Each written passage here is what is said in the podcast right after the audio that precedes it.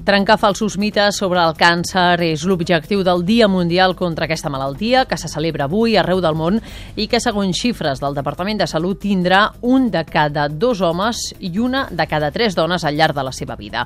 Aquest matí, al micròfon de servei, ens hem desplaçat fins a l'Hospital del Mar, un dels centres de Barcelona que s'afegeix a la campanya informativa per dissipar les idees i concepcions errònies que existeixen entorn d'aquesta malaltia.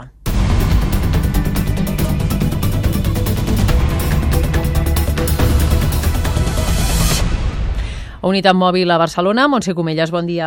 Hola, bon dia. Doncs us parlem des del vestíbul de l'Hospital del Mar de Barcelona, on avui, com comentaves, la Federació Catalana d'Entitats contra el Càncer ha muntat una campanya per intentar desmuntar algunes de les falses creences sobre aquesta malaltia que malauradament està molt present al nostre voltant. Qui més, qui menys, gairebé tots tenim algun familiar, algun amic o conegut que ha passat pel tràngol de viure un càncer de prop.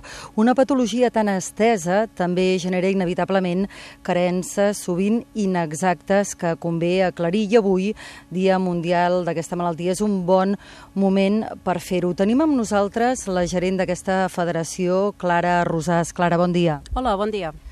Algunes de les idees més exteses eh, al voltant d'aquesta malaltia és pensar que si els meus pares han tingut un càncer, jo també en tindré. És cert que aquest factor genètic és tan decisiu, és tan important? No, no és tan important. Els especialistes indiquen que el càncer hereditari significa un 5, un 10% de total dels càncers. Per tant, ens queden molts factors eh, que, no, que no són l'hereditari que expliquen el, el càncer.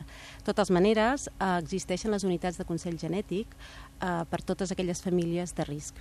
Mm-hmm. Pensar també que l'aparició d'un tumor és com una loteria, podríem dir, que forma part del teu destí personal, és una concepció totalment errònia. És a dir, que no puc fer per evitar-ho, no, no, es pot, no es pot fer res per evitar que es desenvolupi un càncer, tampoc és cert. Efectivament, tampoc és cert.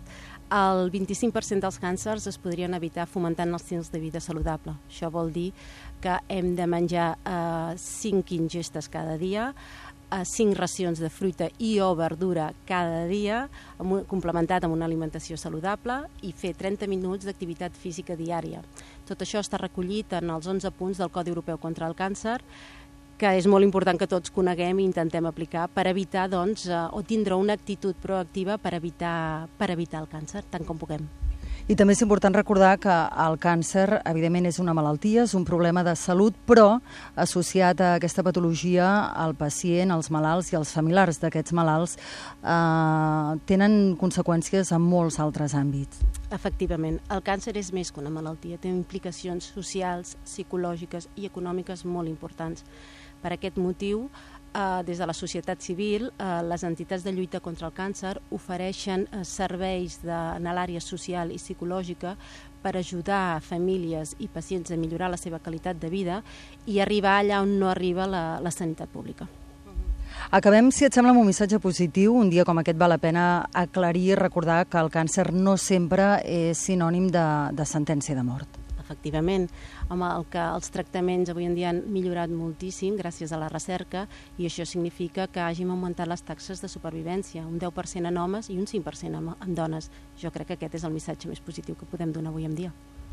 Molt bé, doncs Clara, moltíssimes gràcies. Esperem que vagi bé la jornada d'avui, que ajudi a transmetre una mica aquest missatge i a desmuntar una mica aquests falsos mites, aquestes falses creences al voltant d'una malaltia que, com deia al principi, malauradament tots vivim molt de prop. Efectivament, gràcies i gràcies a vosaltres per ajudar-nos a fer arribar el missatge.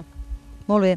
Doncs de moment és tot des d'aquí, des de l'Hospital del Mar de Barcelona, un dels molts punts, eh, centres sanitaris on avui s'ha intentat transmetre aquesta, aquesta idea, trencar aquests falsos mites sobre una malaltia que afecta a moltíssima gent.